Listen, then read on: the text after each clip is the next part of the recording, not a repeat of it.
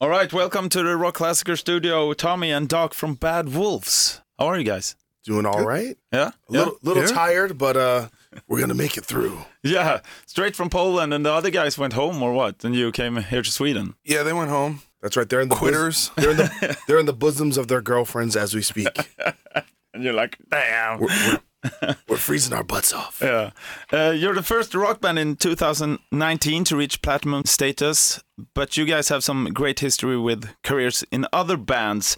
How did you guys get together and said like, yeah, let's start Bad Wolves? It it kind of started. It was very piecemeal. Really, the band was started by our drummer John, who was in a band called DevilDriver, one of the founding members of that band, and he left uh, in 2014, right around the time I moved to Los Angeles.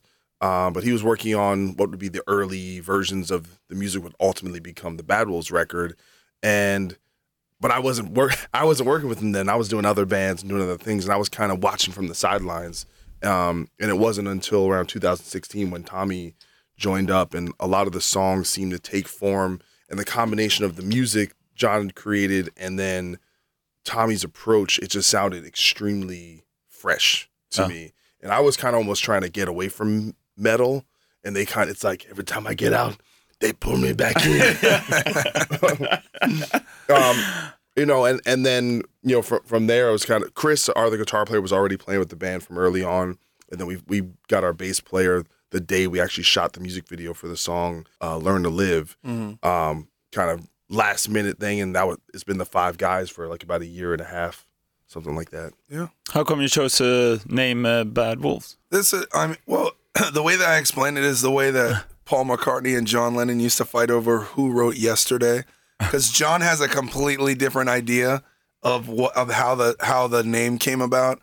John's also an uh uh he forgets how things happen, and then so I don't want to get into it. But I'm not going to say that it was me. We're going to say it was a know, I didn't- collaborative effort of mine and John's part over a over a pizza. All right. Yeah, and he originally named the band Eye of Tongues before I was singing for it, and I hated the name.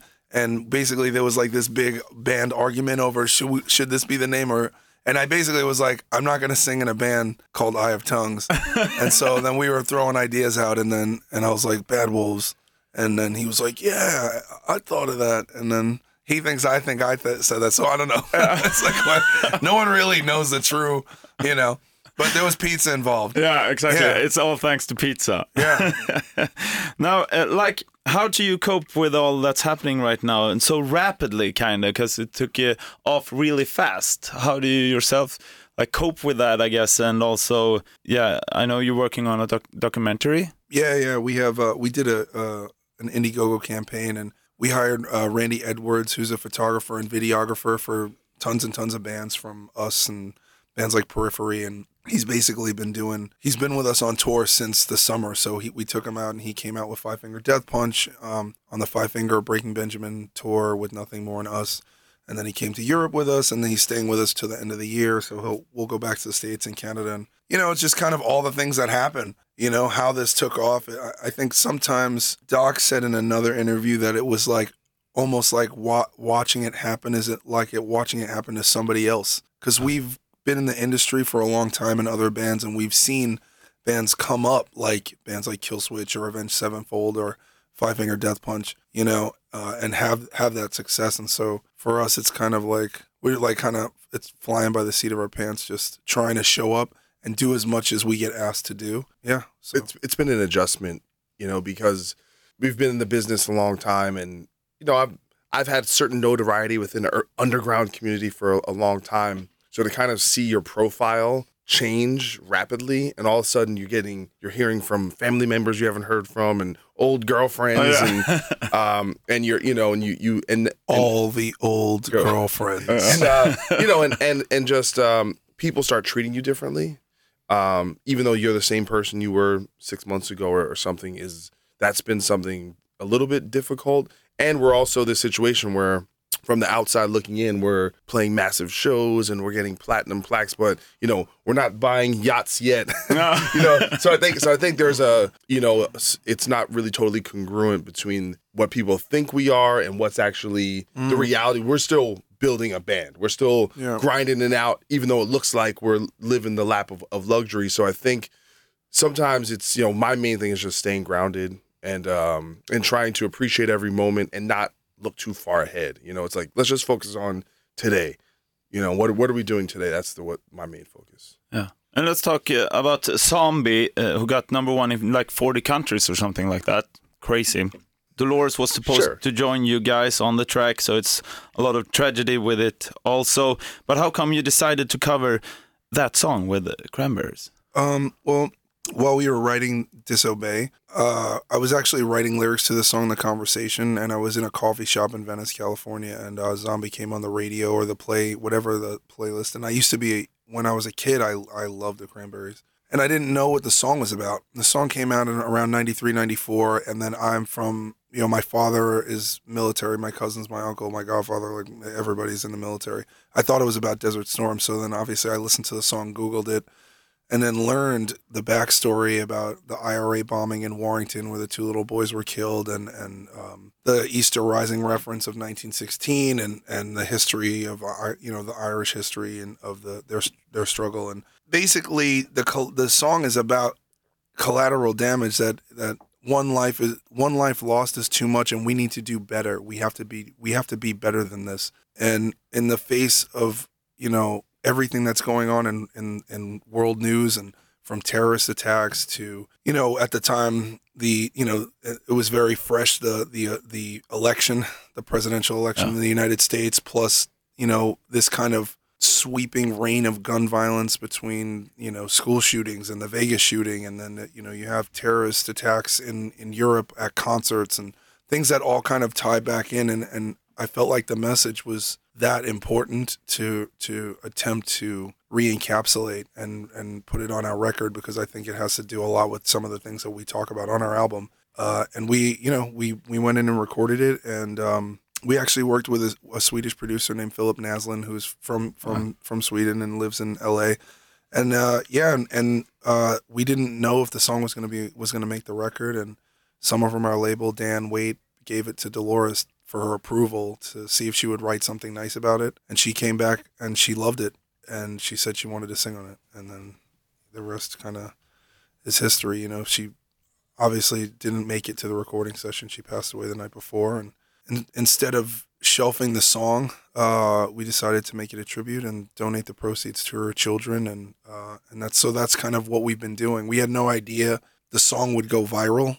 You know, we didn't know this. There was, you know, it was just we were just trying to do the right thing, and it's been this a crazy ride. Yeah, it must be a lot of mixed emotions with it all, right? Like, Yeah, it's an emotional roller coaster for sure. yeah, I get it. And um, let's move on to your first album, then Disobey. Uh, it hit the shelves uh, May 11th, Yes, right? Yeah. What kind of feedback have you gotten from it, from the fans and stuff? Great. That's great. Yeah, I mean, it's you know we, I don't know. I, it's it's all the all the metal. You know, our core metal, like the media, they they seem to really love the record, and they and which is rare that all across the board. You know, everybody has been very supportive of it, and uh, you know the fans dig it. I don't. It's I don't know. What's I think it's been really interesting to see how everything un- unfolded because the single hit before the album came out, Yeah. and so you have a lot of people uh, becoming familiar with the band with the kind of a, of a preconceived notion of what the band is, and so they get to see us live and kind of see we're we're pretty heavy, and uh, you know, there's a lot of energy.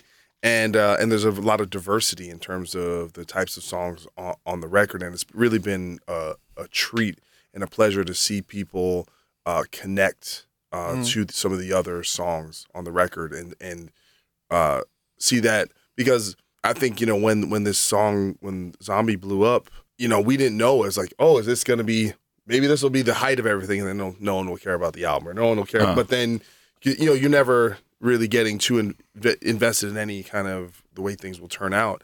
Um, so that's been a really wonderful evolution. Like for example, we just dropped a music video for a song called No Masters, which is a heavy song but very catchy and very it, it, it's accessible. I I think it is, and we just see the numbers on YouTube just flying up every day. It's just it's so, and we see mm. how certain songs like that, which is a little bit on the heavier side, live, you see people connecting, you see people singing along, and that's the thing about you. You release something and it takes on a life of its own. And in, to a sense, once it you put it out, you don't own it anymore. Now it's the world kind of decides what, Yeah. what what to do with it, and it'll have a completely different context in six months from now, or a year from now, or five years from now. You know, we'll, we'll really have to wait and see.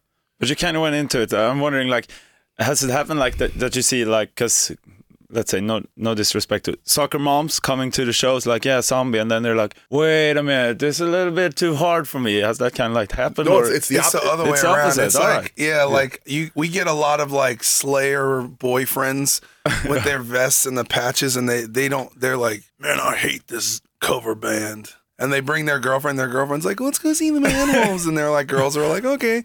And like, I want to go see them. I love that song. And they're like, all right, baby, we're gonna go. And they sit by the bar and they have their arms crossed. And then we open up with like, you know, our first two songs are like two of the heaviest tracks on our record. Uh. and you can see them. They're like, wait a second, this guitar solos and screaming and double bass. And then you see them tech they start texting their homies. They're like, man, you're never gonna believe this, but I'm at this show and these guys are great. And then I and now I just call it out. I just I'm like, yeah, there he is. that behemoth guy, you thought we were gonna suck, but now you know we're good. See, I, So it's- awesome. See, I was saying it was it was opposite in the way that um essentially we close with a zombie.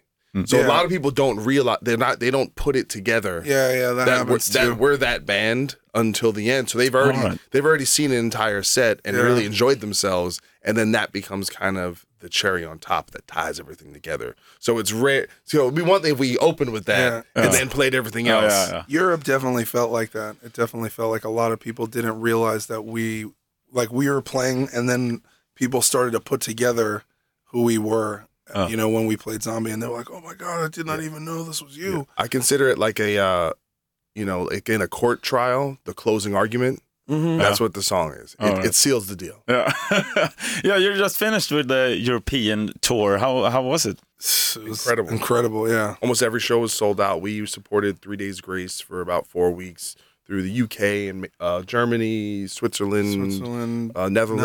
Netherlands. Uh, yeah, finished in Poland, Czech Republic. It was. Uh, we had no idea what to expect. Um, how big the shows are going to be, if their crowd was going to like us, if we were going to have any fans there, and it exceeded basically every expectation we could have.